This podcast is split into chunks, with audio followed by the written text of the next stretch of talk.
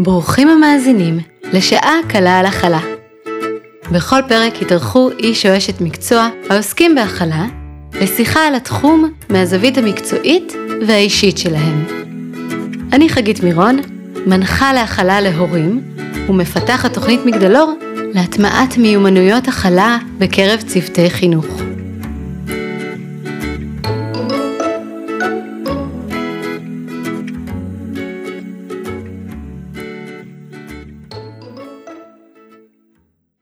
בוקר טוב לחמי בר יוסף. בוקר טוב. איזה מרגש לפגוש אותך כאן היום. אה, אז חמי, תציג את עצמך לטובת מי שלא מכיר. אז כמו שאמרת, שמי חמי בר יוסף, אני תכף אהיה בן 57, אני חי בקיבוץ הרדוף, אני נשוי, יש לי ארבעה ילדים, מקסימים, בת זוג נהדרת. והרבה מאוד שנים אני עוסק בחינוך, בצורות שונות. וזהו, והגעתי לכאן לכבוד הספר, מה אופל מעבר לחופש, של איילין קאדי. היום מבחינת מקצועית, מה שאני עושה זה כרגע, בתקופה הזאת של החיים שלי, אני מחלק את החיים שלי לשניים, כעובד. חצי, חצי שבוע אני נמצא במעון שהוא אה, חלופת כלא. נערים שבעצם נשפטו לכלא ועושים אה, תהליך טיפולי. ואני שם אה, מורה, אני מלמד אותם אה, לבגרות, ספרות, תנ"ך, וגם עובד שם בקבוצת תיאטרון. ובחצי השני של השבוע אני בנס ציונה, בשמחה, בתיכון שיבולים, מלווה את תיכון שיבולים, את הצוות, עובד עם הצוות, עם המורים, וגם מלמד. וגם מלמד כאן תיאטרון ומתמטיקה. אה, תחומים שונים, כן, אבל... מדעים מדויקים ומדעי הרוח. לגמרי. אבל... ממש אוחז אה, רחב. אוחז רחב, כן, נכון. אז משתדל. בעצם אתה תרגמת את אה, ספרה של אה, איילין קאדי. מעוף אל מעבר לחופש, כן. ואתה התחלת לספר לי ככה מקודם את האופן שבו הספר הזה פגש אותך. נכון, צריך להגיד שאני לא מתרגם מקצועי, זאת אומרת זה לא שאני במקצועי מתרגם, mm-hmm. אלא בעצם לפני שנתיים וחצי זה היה, נדמה לי ממש שהתחילה הקורונה, הכל נהיה יותר פנימי, אבל זה גם היה קשור בתקופה שהייתי בחיים ש, של עצמי, הייתי ככה בתקופה שהייתה, מה שנקרא, לחשב מסלול מחדש, או לפגוש את עצמי, או לפגוש דברים בתוך עצמי שהכרתי, אבל פתאום באו לי בצורה יותר חזקה. אמ, ובתוך הזמן הזה אמ, סיפרה לי ידידה טובה שיש לאיילין קאדי אוטוביוגרפיה מיוחדת. עכשיו, את איילין קאדי עצמה, את הספר של ה-366 דלתות ללב, כבר uh, עבדתי איתו הרבה שנים. צריך להגיד שאני, אולי כבר אני עושה קצת עכשיו איזה סוגריים, אה, כשבגיל אה, קצת, די מיד אחרי צבא, אה, גם, גם אחרי איזשהו אירוע טרגי בתוך המשפחה, שעצר לי את החיים, הגעתי לקיבוץ הרדוף והתחלתי ככה פנימית ליצור קשר עמוק לאנתרופוסופיה ולדרך רוחנית, ששינתה לי את מסלול החיים, מאיפה שהוא לכאורה היה יכול ללכת אליו. אמ, ובתוך השנים האלה של העבודה עם האנתרופוסופיה ועם דרך רוחנית ועם חיפושים שלי בתוך עצמי, אז איילין קאדי והספר שלה באיזשהו שלב פגשו אותי, אנשים סביבי הכירו את הספר הזה, וככה התחלתי, הייתי בספר של מסרים יומיים, שאיילין קאדי, נאספו שם מסרים יומיים שאיילין קאדי קיבלה אה, מקול פנימי שדיבר בתוכה, זה מה שכתוב ככה בכריכה של הספר וזה מה שידעתי. ושהיא נמצאת, ושהיא חיה בקהילת פינדהורן, שזה קהילה ש...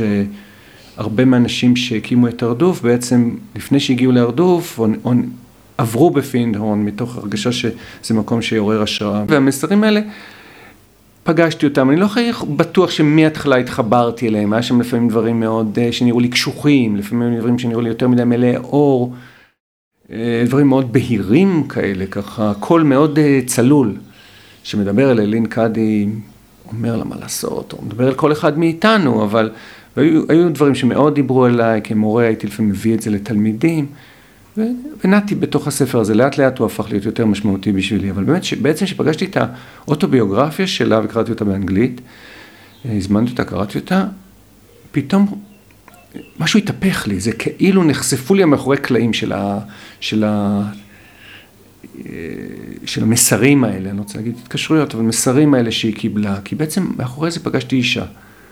שהתחילה את החיים כאישה מאוד רגילה, כאישה שאני חושב שאם היינו פוגשים אותה ברחוב או בבית ספר או בכיתה כתלמידה בת 16, אה, לא היינו במיוחד שמים אליה לב.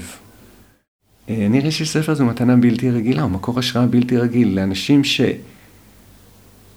את עצמם על דרך רוחנית או התפתחותית נקרא לזה, אדם לא חייב לקרוא לזה דרך רוחנית, אדם יכול, גם יש אנשים ששמים את עצמם בדרך התפתחותית או רוחנית בדרך שלהם, יש לזה אין סוף דרכים. ויודעים שבהרבה שנים שאתה עושה את זה, יש לך הרבה שנים, זה לא מונע ממך שנים של ספק, שנים של בלבול, שנים שאתה פתאום, או תקופות שאתה פתאום לא מבין אם מה שעשית זה נכון. ויש בספר הזה, והייתה בדמות הזאת משהו ש... אני פשוט הרגשתי שאני מקבל הזרקה של, אה, של כוח, ואז אמרתי, יואו, אני חייב לתרגם את הספר הזה לעברית. יש עוד אנשים ש... שיקבלו ממנו משהו. זה, זה נחת עליי כמו, כמו התגלות. להפוך ספר מעברית, מאנגלית לעברית זה מאוד אינטימי, זה גם אתה צריך ליצור אותו בשפה מחדש, השפה לא, שפה פשוטה, אבל עדיין אתה צריך ליצור את זה, אתה צריך לחשוב את המחשבות האלה מחדש, וכשאתה חושב אותן מחדש אתה עוד יותר מקבל כוח, כי אתה שוהה בתוכן.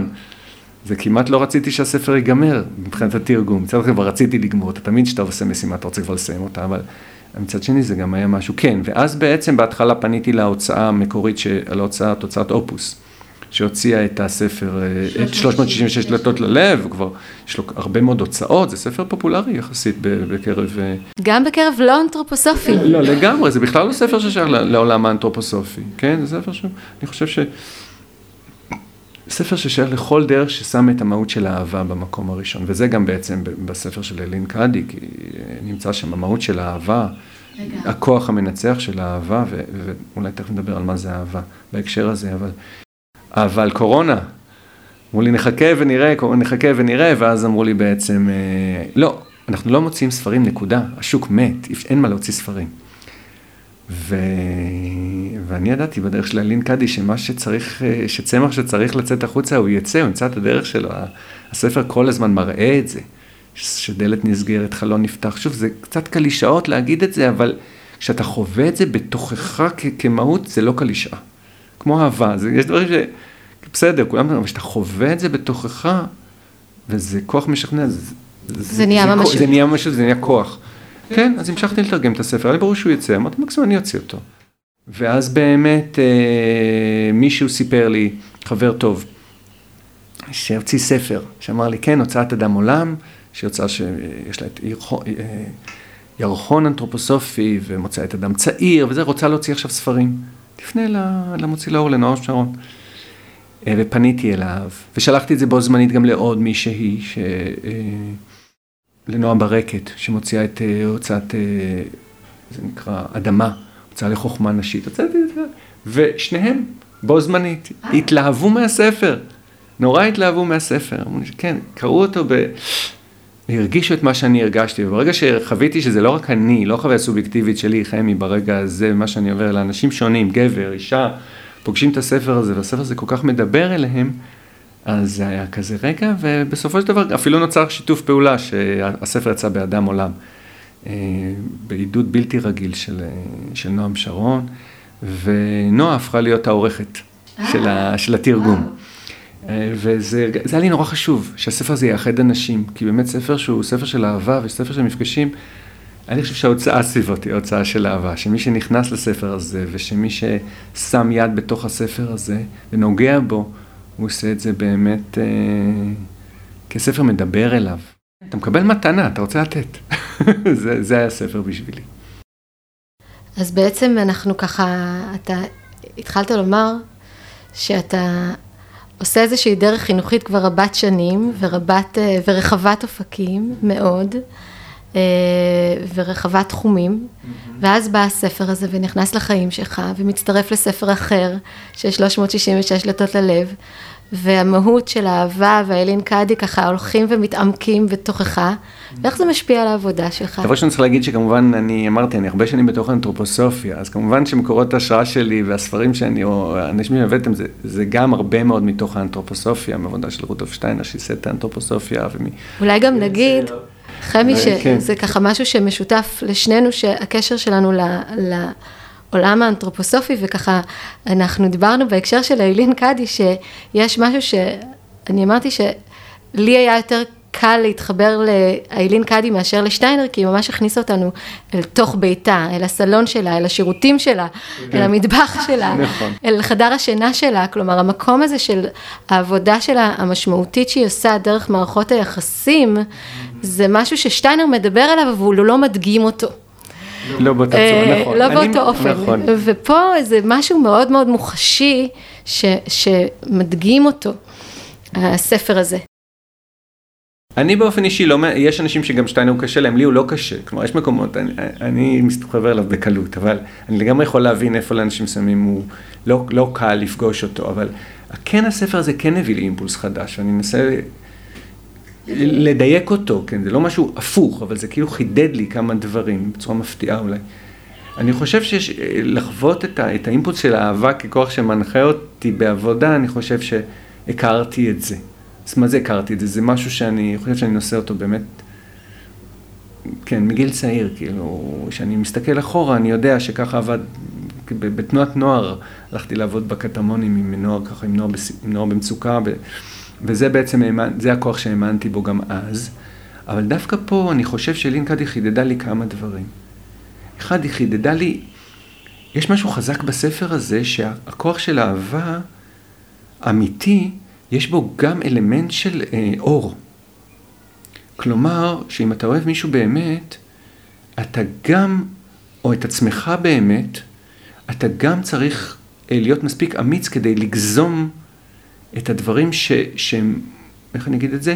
שמתערבבים עם אהבה והופכים אותה להיות אהבה לא מספיק נקייה, אוקיי?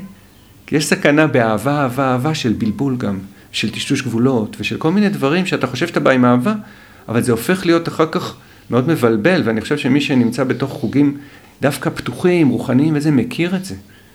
שזה יכול להיות מאוד לא, לא מדויק. ובשבילי היה פה משהו גם שמאוד מדייק. דבר שני שהיה לי מאוד חזק, כלומר לשים לב שהכוח, האליני גם עבדה בהתחלה בקרבה מאוד גדולה עם פיטר, עם בן הזוג שלה, שהוא מאוד מאפיין אותה, והחדות שיורדת עד למעשה, שלא מוותרת. ואני חושב שאצלי, גם כלפי עצמי, אני חושב, וגם לפעמים ויתרתי כאילו יותר מדי, ופה היה משהו דווקא באלין קאדי, שזה, שהיה משהו ב, אה, במחויבות למעשה. יש את עולם הנפש, יש לו את כל הכבוד לכעוס, לקנא, להרגיש חסר ערך, והיא עוברת את כל הדברים האלה. זה לא עוצר אותה מלעשות את הכל יום, את הכמה שעות מדיטציה שלה. ודווקא במובן הזה, בצורה מפתיעה, את זה קיבלתי ממנה הרבה. את המסירות הזו. את המסירות הזאת שחייבת לרדת למעשה. חייבת לרדת לפעולה. חייבת להיות לפעולה. כשהיא, אה, אחרי שפיטר עוזב אותה, והיא מה זה שבורה, והיא כועסת נורא, ולאט לאט היא רוצה לאהוב אותו בלי תנאים, והיא רוצה לקבל, והיא רוצה לשחרר אותו, אבל הנפש לא, לא הולכת לא איתה. לא עושה לה עבודה קלה. לא עושה לה עבודה קלה, וכבר עוברים, עוברות כמה שנים, והוא ניסה שוב, ויש לו ילד, אלוהים, הוא בן 60 ו...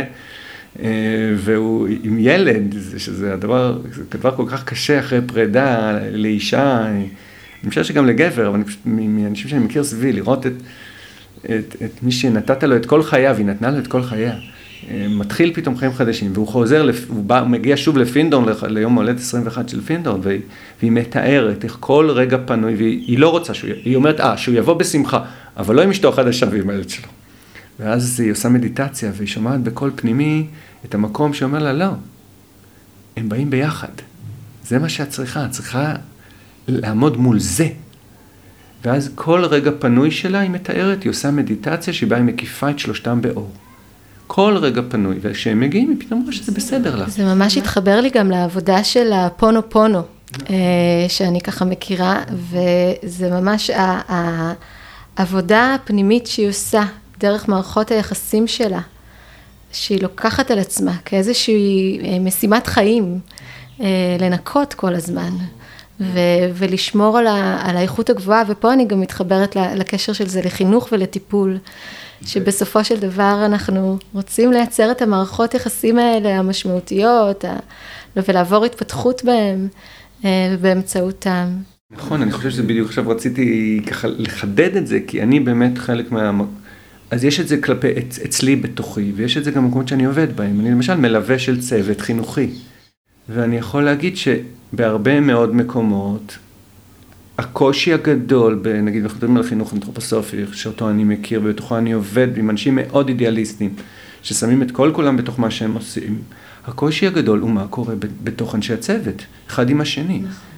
או לפעמים בין הצוות להורים, או, או בממשקים, בכל הממשקים האלה של, של אנשים, שם הקושי הגדול קורה. והספר הזה, הוא ממש מכוון אותך להבין שההתפתחות הרוחנית, או, או ישות האהבה, או איך ש, איך, איזה שם שנקרא לה, היא חיה בין אנשים. זאת אומרת שאם אנחנו היום עובדים בצוות חינוכי, שבו אנחנו שמים את כל כולן, את כל ישותנו למען התלמידים שלנו, ואנחנו לא עובדים בצורה מאוד ערנית על כוח האהבה בינינו, שאהבה בינינו זה גם להגיד אחד לשני את מה שמפריע לנו אחד עם השני, ולא ללכת לדבר על זה עם, עם, עם בן אדם מספר שלוש, כי זה הרבה יותר קל ונוח. או לשמור את זה בבטן ולתסוס עם זה. אהבה אמיתית זה לקחת אחריות גם על מה שקשה לי איתך או איתך. אבל למצוא את הדרך לעשות את זה. ולהיות מוכן לקבל מה שרואים עליי שאני לא רואה על עצמי, את הדפוסים שלי שמנהלים אותי ופוגעניים, למרות שאני הבן אדם שרוצה לעשות הכי טוב בעולם. זה דבר שהוא, זה הנכיח לי עד כמה זה משמעותי. בתיכון אה, שיבולים, שאנחנו יושבים בצוות אה, נושא שנושא את בית הספר, כן, אז בשנתיים האחרונות, המנטרה שפותחת את צוות נושא היא מנטרה שקשורה לקשר שלנו אחד בשני של אהבה, שנלקחה מתוך הספר של אילין קאדי. וכשאנחנו לוקחים את המנטרה הזאת ברצינות,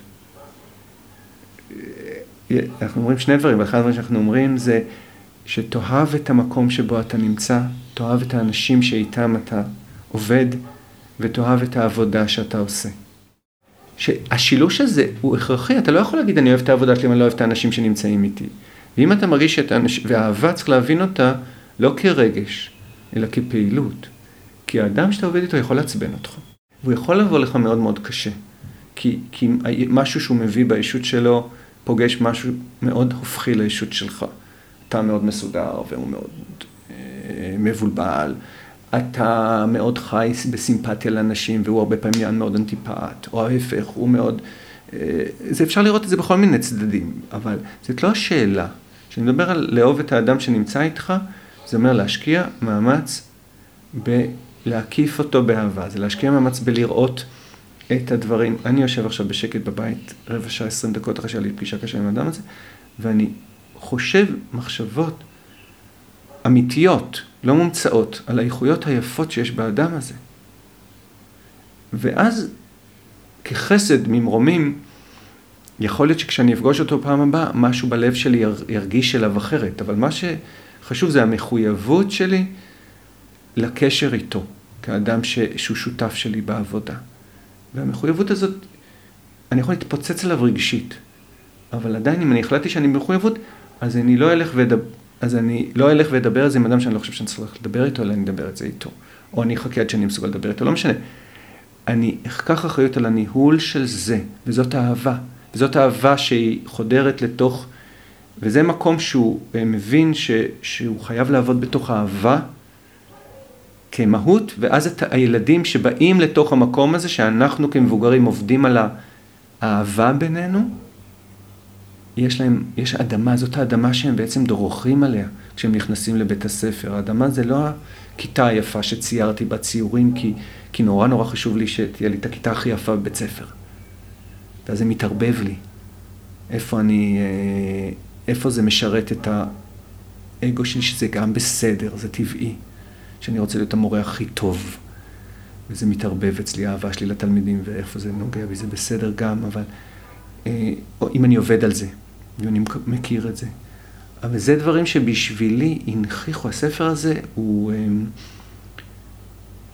הוא כאילו נתן לי עוד, אתה לפעמים, יש דברים שאתה יודע ומבין, אבל אתה לא הולך איתם עד הסוף. והספר הזה הוא היה לי קריאת כיוון מאוד חזקה, גם כלפי עצמי בחיים הפרטיים שלי, במקומות שאני נפלתי, ובנפילות שלי, וגם במרחבים שבהם אני עובד ובהם אני באחריות, איך זה עובד. אני פשוט אה, ככה רוצה להוסיף שגם חוץ מהמקום של הקשר בתוך הצוות, עוד איזשהו משהו שככה מאוד קל ליפול בו, זה קצת גם מתחבר לעולם האנתרופוסופיה שאנחנו מכירים אותו לחינוך בוולדורף, ובכלל לכל חינוך שבא עם עקרונות רוחניים, זה לא משנה אם זה חינוך דתי או חינוך אנתרופוסופי או חינוך אפילו דמוקרטי שרואה את, הדמוק, את הדמוקרטי כדת, זה כל תפיסה ערכית, אידיאולוגית. מאוד קל לנו בשם הערכים של ה mind שאנחנו תופסים כנכונים, לפעול בצורה מאוד מסוימת, ובאמת הבעל הראשון של איילין הוא דוגמה מעולה לזה, כלומר איך אנחנו הופכים משהו שהוא התחיל כמשהו טהור, אבל הדברים מתלכלכים בדרך. ואני חושבת שאיילין מדגימה בעבודה שלה ובאהבה שלה הלא מתפשרת, את המקום הזה שהיא אומרת, והיא גם מגלה את זה על עצמה, שהדוגמות שהיא חשבה, של מה זה להיות רוחני, ומה זה לעשות דרך, ומה זה להיות בן אדם מוסרי בעולם, ומה זה, כלומר, היא עוזבה חמישה ילדים, זה וואו, זה לא משהו שקל לנו לבלוע בכלל. והמקום הזה של החיפוש האנושי שלה, אחרי חיבור, אחרי איזשהו מענה, איזשהו מזור, אחרי ההקשבה שלה, גם לבחוץ וגם לבפנים, זה משהו שלי אישית מאוד מאוד חידד את המקום הזה, כי גם להסכים לבחון מחדש כל פעם את האמונות שאתה מחזיק בהן, להסתכל עליהן מבחוץ ולתת גם לחיים ללמד אותך ולא רק, ולאנשים ללמד אותך ולא רק למה שאתה אוחז מבחוץ. מה שתיארת עכשיו זה קצת, אני חושב שבחשיבה שלנו יותר, אנחנו חושבים, או שיש דוגמות רוחניות, או שיש אה, חוף, איך נקרא לזה, לא יודע, חופש או חיפוש או, או אפשרות, שאם. במקום המילה דוגמה בוא נגיד כיוון, אם הכיוון שלך הוא ישות האהבה, ואתה תופס את ישות האהבה כישות אה, לא סימפתיה, היא הרבה מדברת בספר על ההבדל בין סימפתיה, או אפשר לקרוא לזה אפילו הזדהות, לבין חמלה היא קוראת לזה, שהיא אומרת שהזדהות זה המקום שבו אתה מקבל, שבו אתה, מי שאתה זה טוב, אנחנו לא מדברים על כזאת אהבה, אנחנו מדברים על אהבה לישות הכי עמוקה שלך, אם אתה, ושל כל אדם אחר, אז אם אתה חי את ישות האהבה, והיא ה...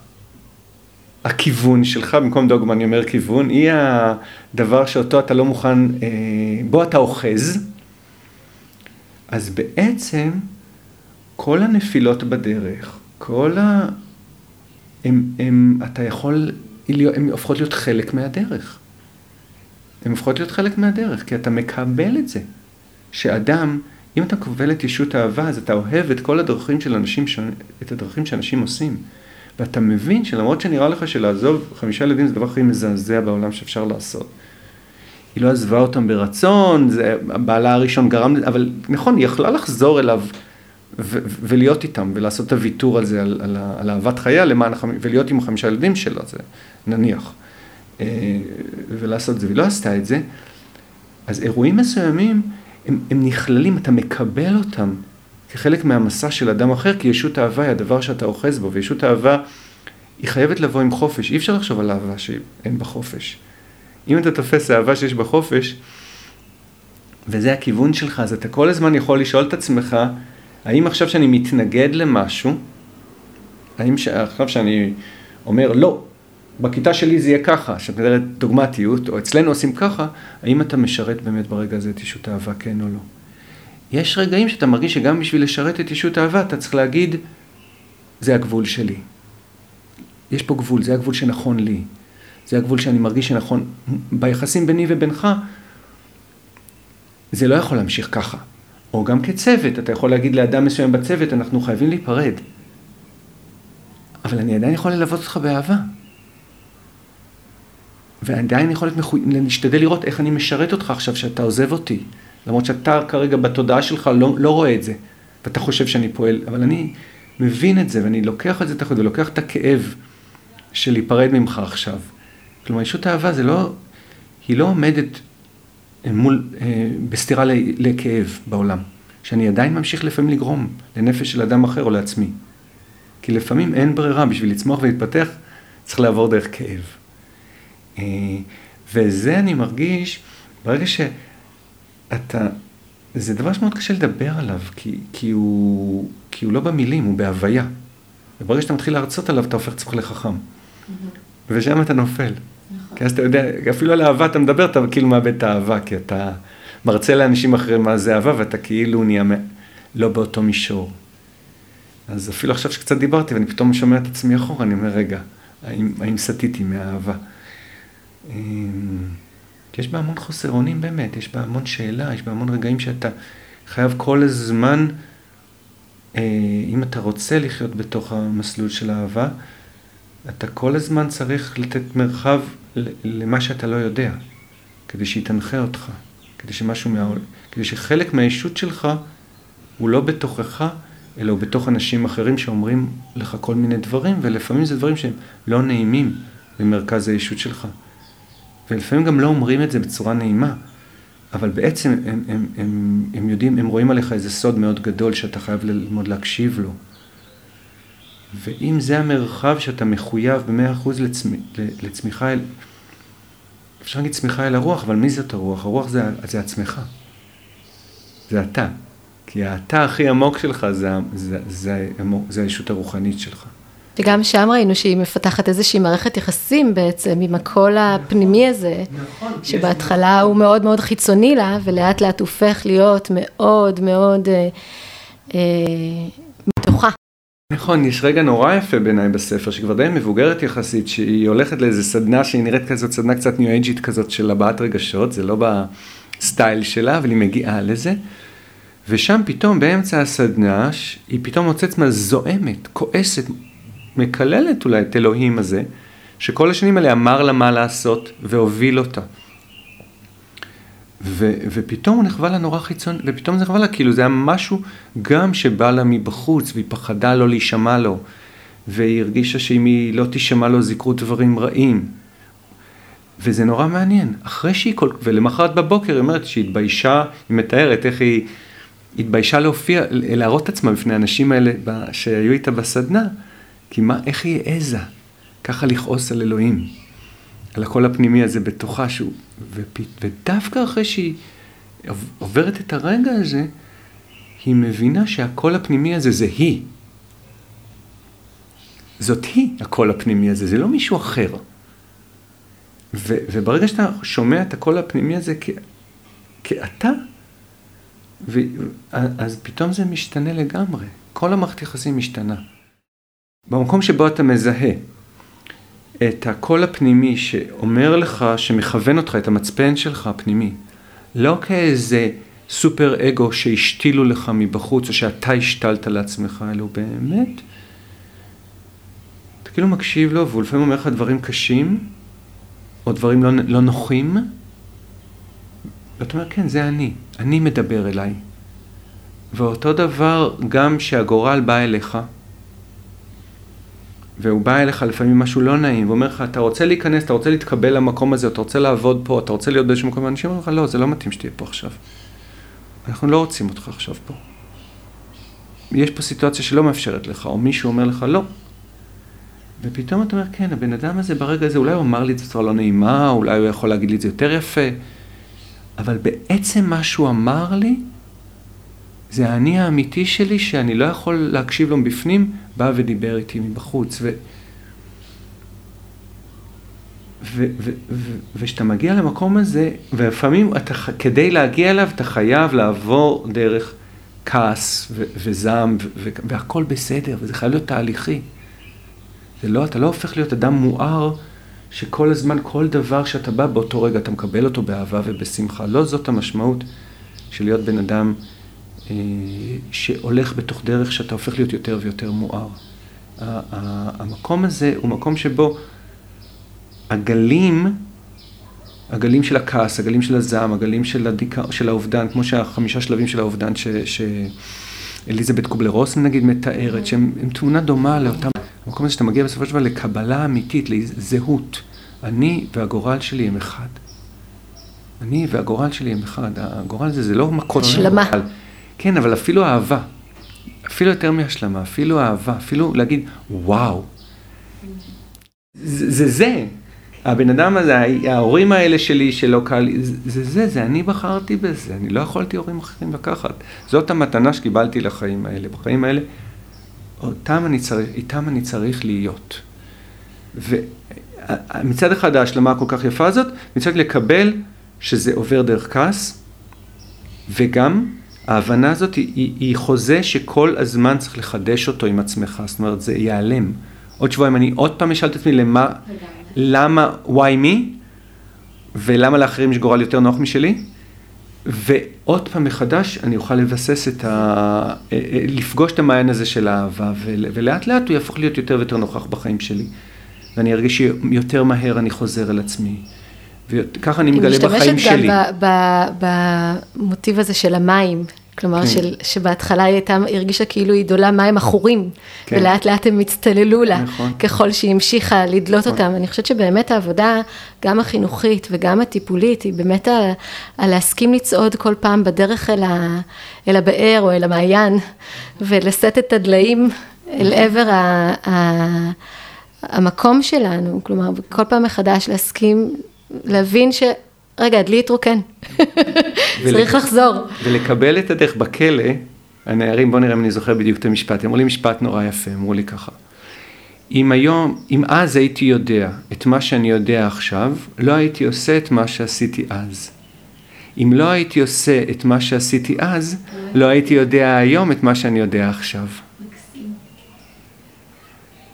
זה היה מדהים. זה היה מדהים, הרגשתי ש... זה הערה, זאת אומרת, אה, בכלא אני פוגש נערים שעשו בגיל 13-14, לפעמים זה, לרוב זה היה איזה תהליך של הידרדרות, אבל ברגע אחד החריבו את כל עולמם. החריבו את כל עולמם.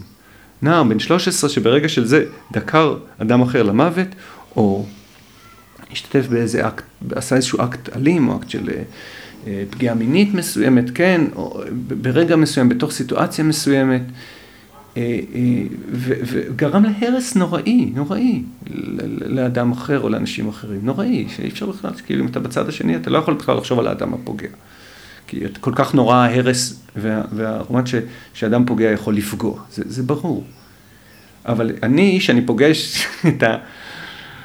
את, את הילדים האלה שהם גם הרבה פעמים מאוד נפגעו, וזה לא, לא בשום, זה לא מקטין, את, לראות את המקום הזה שעמדת מול זה, ובכל זאת, איך אתה בכל זאת בתוך החיים שלך צריך באיזושהי צורה להמשיך לתת להם משמעות.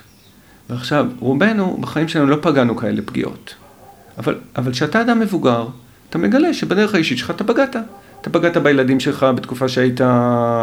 עסוק בעניינים שלך ולא שמת לב ולא עשית דברים, ולפעמים פגעת באנשים שאתה מאוד אוהב מסיבה כזאת או אחרת, כאילו פגעת באנשים, פגעת. ואלין קאדי גם פגעה באנשים. אישה מאוד רכה וזה, אבל בילדים שלה זה ברור שהיא פגעה. בחמשת הילדים שלה היא פגעה. היא עושה אחרי זה מאמצי על לתקן את מערכת היחסים איתם, ולוקח איזה 18 שנים עד שהיא בכלל מתחילה לפגוש אותם. והיא עוברת על כל אחד מהם, ואתה רואה שבכלל במקומות ממש יש ריפוי מלא, ואתה רואה שבכלל במקומות לא, הריפוי הוא לא מלא.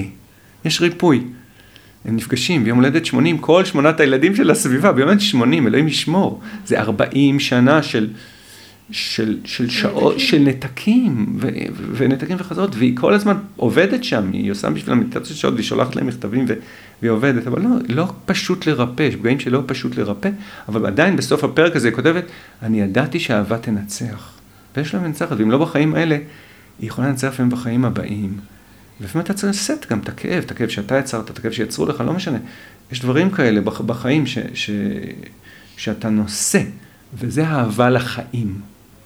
זה לקבל את החיים, כי יש לנו כל מיני דמיונות על איך החיים אמורים להיראות, ושהחיים אמורים להתרפא, והחיים אמורים להיות שלמים, והחיים הם לא, והם לא שלמים. גם בתוכי יש את המקום, גם אני בחיי.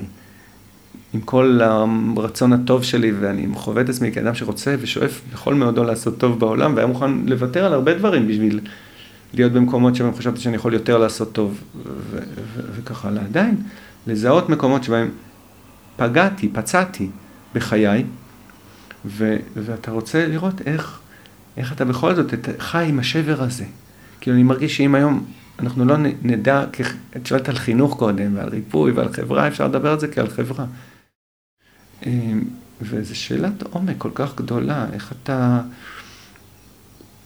מתוך אחריות, מתוך פעילות אמיתית, לא מתוך זה שאתה אומר, אהבה תסלח, סליחה, אלא בצורה אמיתית מוכן לקבל את האפשרות של אנשים להיות באיזשהו תהליך של ריפוי. כלפי עצמם, כלפי אנשים אחרים, לשאת. אני חושב שהספר הזה הוא, הוא, הוא חלק ממהות שהיא מבקשת בעצם להאמין כל הזמן באפשרות שדברים יכולים להתרפא. הם יכולים להתרפא עם האנשים שפגעו דבר ראשון בראש ובראשונה מוכנים לעשות משהו בשביל לרפא את זה. אלין היא עושה דברים בשביל לרפא את המקומות שהיא פגעה. זה לא מתרפא לבד. והיא מוכנה מה זה מוכנה? היא מתארת שזה סבל אינסופי לעמוד שנים, שנים, שנים בלנסות לכתוב מכתבים ולקבל אותם, ולחזור, שהם חוזרים בחזרה בלי שהם נפתחו. אבל היא עדיין ממשיכה. וגם אחר כך אפשר להעביר ביקורת לפעמים על איך שהיא לפעמים אומרת את דעותיה, אתה לא, כשאתה קורא אותה, אתה לא אומר וואו זאת האישה המושלמת, אני מסכים עם כל מה שהיא עשתה, אני מקבל אותה באמת, כאילו ככה צריך להתנהג, היא הופכת להיות הגור, זה לא, אתה קורא את הספר הזה ואתה יכול לחשוב עליו כל מיני דברים. לגמרי. לגמרי. וזה, אני קורא את זה, אני, ככה היא מתארת את זה, בסדר. כן. גם היא, כן, כן, כולנו גם וגם.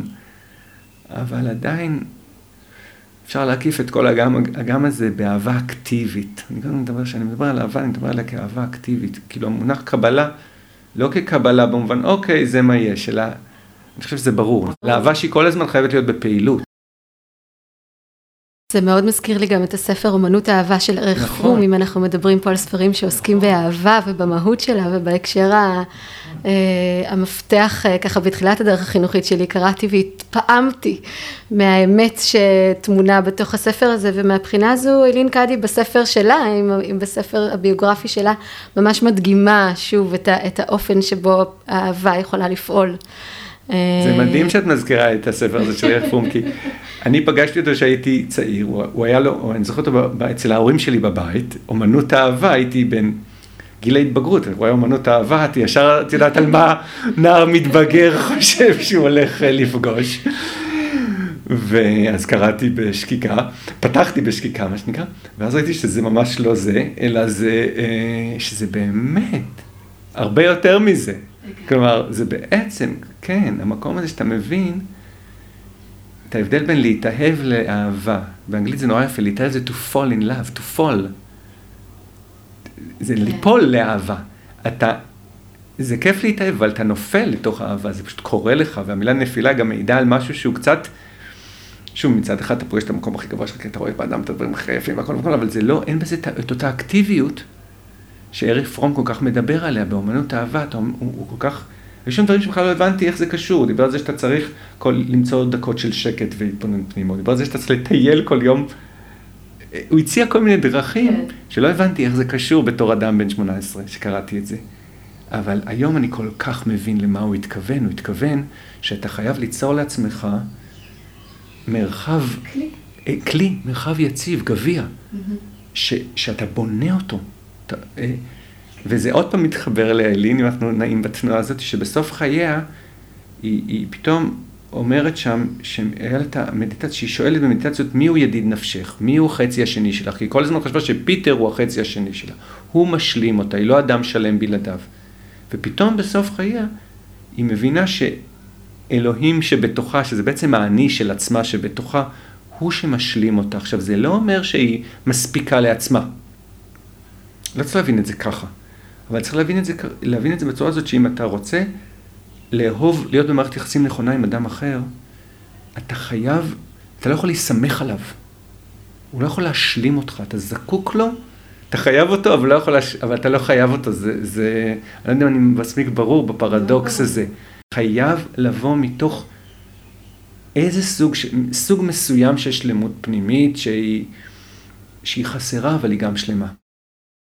אני חושבת שזה גם הדרך שבהקשר של לימודי החינוך, חינוך אנתרופוסופי, וגם עכשיו שככה היה לי את הכבוד אה, אה, ללמד פרחי הוראה בסמינר הקיבוצים, אז כל הזמן הדגש, הרי אנחנו באים לחינוך כי אנחנו אוהבים ילדים.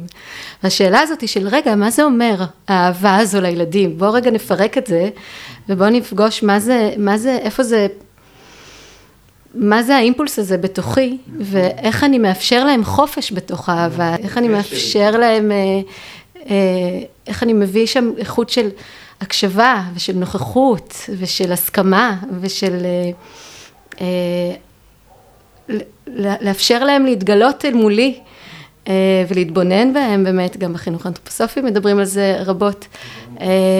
אז האיכויות האלה בעצם, של הפעילות הפנימית שנדרשת בתוך העבודה המאוד חיצונית, המאוד, אה, ככל אנחנו מדברים בתוך מערכת שבאים בבוקר, יש לנו to do list כן. כביכול, ומאוד קל להפוך את זה לדברים אה, חיצוניים. טכניים. אז בחינוך ולדוף יש גם את הסכנה ההפוכה, שאני כמחנך הרבה שנים פגשתי אותה, שדווקא אם אתה מחנך מאוד מעורב, אז המערכת, הצורת בית ספר כן מאפשרת לך דווקא ליצור קשרים מאוד מאוד חזקים עם תלמידים, אבל פה גם עולה שאלה של אהבה כאהבה משחררת. Mm-hmm.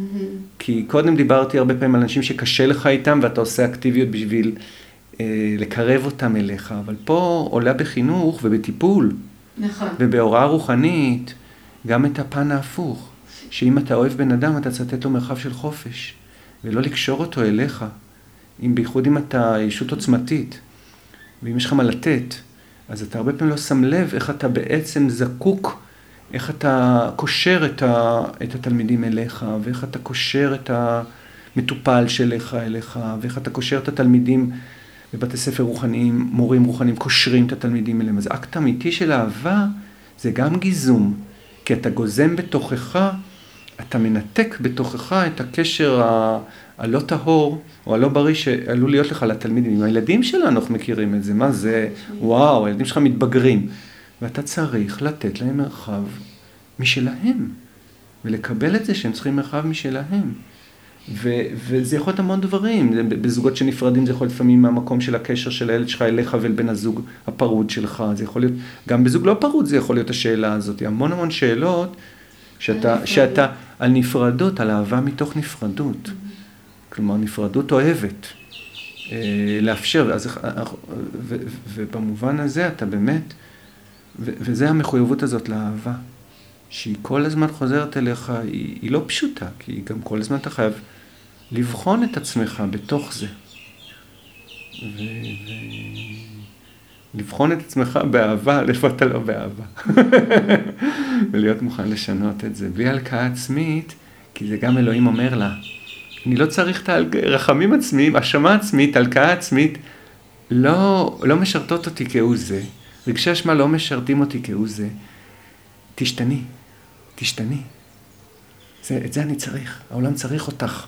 יש לך מה לתת לעולם. זה שעכשיו תרגישי אשמה על מה שפגעת, עשית ופספסת, זה לא עוזר לעולם כהוא זה. עוזר לעולם שמחר תעשי דברים אחרת. ובמקומות שתוכלי... ולפעמים את, את, את הפצע שפצעת אולי לא תוכלי לתקן, אבל במקום אחר שתהיי, תוכלי להביא ברכה שלעולם מביאה טוב. וזה נורא משמעותי גם. כן. אז אה, חמי, איך אנחנו מסכמים? וואו. דבר שאנחנו מציעים בשמחה למקשיבים לפודקאסט שלנו, לקרוא את הספר. אה, וגם יש לנו אה, מטעם הוצאת אדם עולם אפילו אה, קוד הנחה של עשרה אחוז נוספים אה, להנחה הקיימת בימים אלו, אה, למי שיקליד את קוד הקופון הכלה. כ"ל ה', וזה זה גם מאוד משמח. נכון, כן, נכון, וזאת, אה, והספר הזה הוא מזמין מתנות. הוא מזמין, אה, באמת, להצטרף למסע. כן, אני חושב שזה אולי בזה לסיים. במתנה הזאת של המסע, אני חושב שאם אתה נמצא בחיים שלך, בחוויה שאתה במסע של צמיחה, במסע של... שאתה הולך לעבר האהבה, ולא משנה באיזה רגע אתה נמצא, גם ברגעים קשים שאתה מבין שאתה בתוך מסע, איך אני אגיד את זה? אתה מאושר. זו מילה, לא יודע אם מותר להגיד אותה, פעם ראשונה שמשתמשים בה. יש לך איזה, יש לך תחוש... כן, יש לך איזושהי חוויה בחיים, שהחיים שלך הם לא סתם. אישור פנימי. יש לך, כן, יש לך חוויה שאתה הולך בדרך, יש לך חוויה של תנועה, יש לך חוויה של משמעות. ואני חושב שהיום יש, קורה, שאנשים מגיעים לגיל מבוגר, ומשהו מהחוויה הזאת, אה, הוא לא קיים. תחושת החמצה. נכון, ואז יש לך תחושת החמצה. ו... וזה בעצם מה שהספר הזה הוא חלק מ... הוא חלק מתנועה, אפשר, אנחנו דיברנו על אריך פרום ודיברנו שטיינר ו- ו- ויכולנו להזכיר פה עוד המון, ואליזבת קובלר רוס עלתה פה, נכון. ויכולנו להעלות עוד המון דמויות והמון דמויות והמון אנשים למ"ווים צדיקים כאלה שאף אחד לא כן. מכיר ומסתובבים בעולם וחיים את זה בחיים הפנימיים שלהם כ- כדבר אמיתי, אבל אני חושב שיש הרבה מאוד אנשים ש...